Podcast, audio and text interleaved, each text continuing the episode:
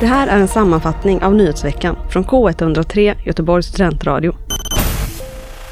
Chalmers inrättar en helpdesk för jämställdhetsfrågor. Syftet med helpdesken är att ge universitetslärarna vägledning i implementeringen av jämställdhetsfrågor utbildningsinnehållet. Detta kan eventuellt resultera i uppdaterade kursplaner.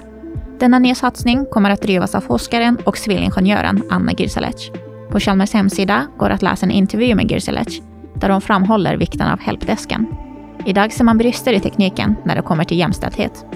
Exempelvis finns det krocktextdockor som endast simulerar manliga kroppar eller AI-algoritmer som omformas av könsnormer. Gürselec säger att det gäller att tänka på hur stereotyper och könsroller kommer att påverka tekniken som studenterna kommer att skapa i framtiden. Sverigedemokraternas partiledare Jimmy Åkesson vill sänka straffmyndighetsåldern från 15 år till 13 enligt SVT. Regeringen har tillsatt en utredning om att sänka straffmyndighetsåldern i Sverige. Åkesson sa i en intervju med Sveriges Radio Ekot att citat är man tillräckligt gammal för att begå ett grovt våldsbrott är man också tillräckligt gammal att ta konsekvenserna. Slutcitat. Regeringens förslag har fått kritik. I februari i år skrev FNs barnrättskommitté en rapport där det avrådde regeringen att fullfölja det. När Danmark genomförde en liknande sänkning fick det negativa konsekvenser. Där ledde sänkningen till ökade återfall i brottslighet och försämrade resultat i skolan. Lottningen till damernas Champions League-gruppspel har nu offentliggjorts.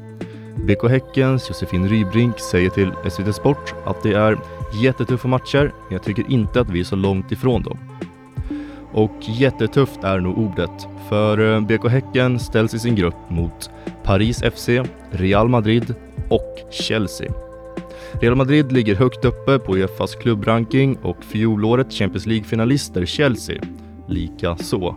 Men eh, Häckens tredje rival då, Paris FC, ja de är rankingmässigt sämre, men för att kvala in i det här gruppspelet slog de ut världstrean Wolfsburg.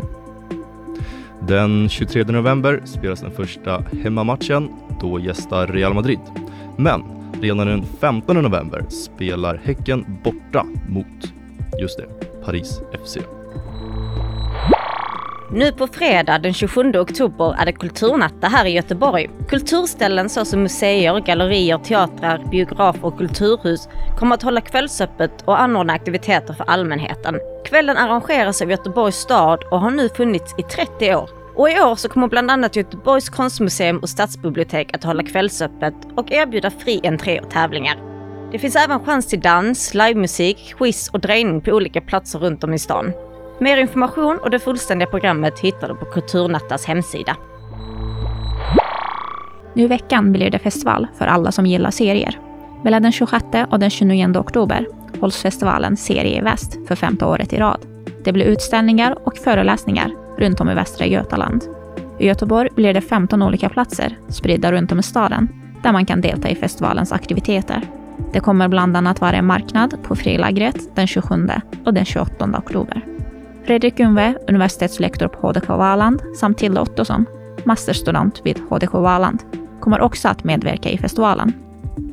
Hela programmet för festivalveckan går att hitta på hemsidan för Seriefrämjandet.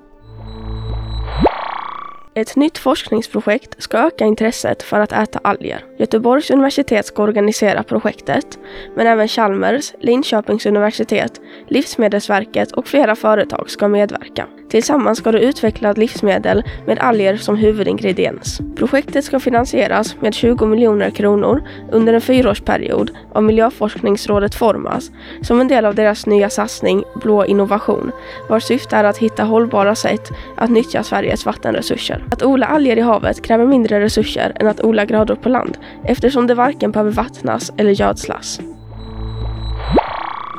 En lag med syfte att stoppa postgången med droger och vapen instiftades vid årsskiftet. Men få vet om den. Den 2 januari i år lättade man alltså på postombudens tystnadsplikt och man ökade även befogenheten för att larma polis om man som medarbetare misstänker försändelser av vapen eller narkotika. Men enligt en granskning gjord av Kaliber för Sveriges Radio är det bara hälften av alla postombud som vet om den här nya lagen. Och i en intervju med en drogkurir säger den så kallade Johan till Kaliber att än så länge har jag ju skickat hela året och det är ingen skillnad. Det kommer fram snabbt och prydligt och utan problem. Lagen har varit i kraft nu i nio månader. Så någonting borde man ju sett. Man borde hört någonting. Slutcitat. Lisebergs nya vattenpark Oceana ska öppna i början av sommaren nästa år.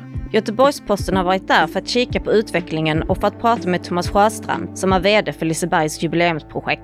De hoppas att den nya satsningen ska dra in en halv miljon besökare per år och leda till 75 nya helårstjänster och helg och säsongsanställningar utöver detta.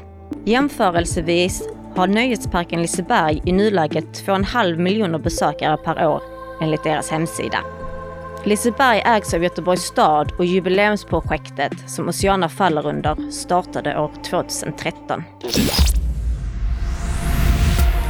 Tipsa oss om nyheter på info k103.se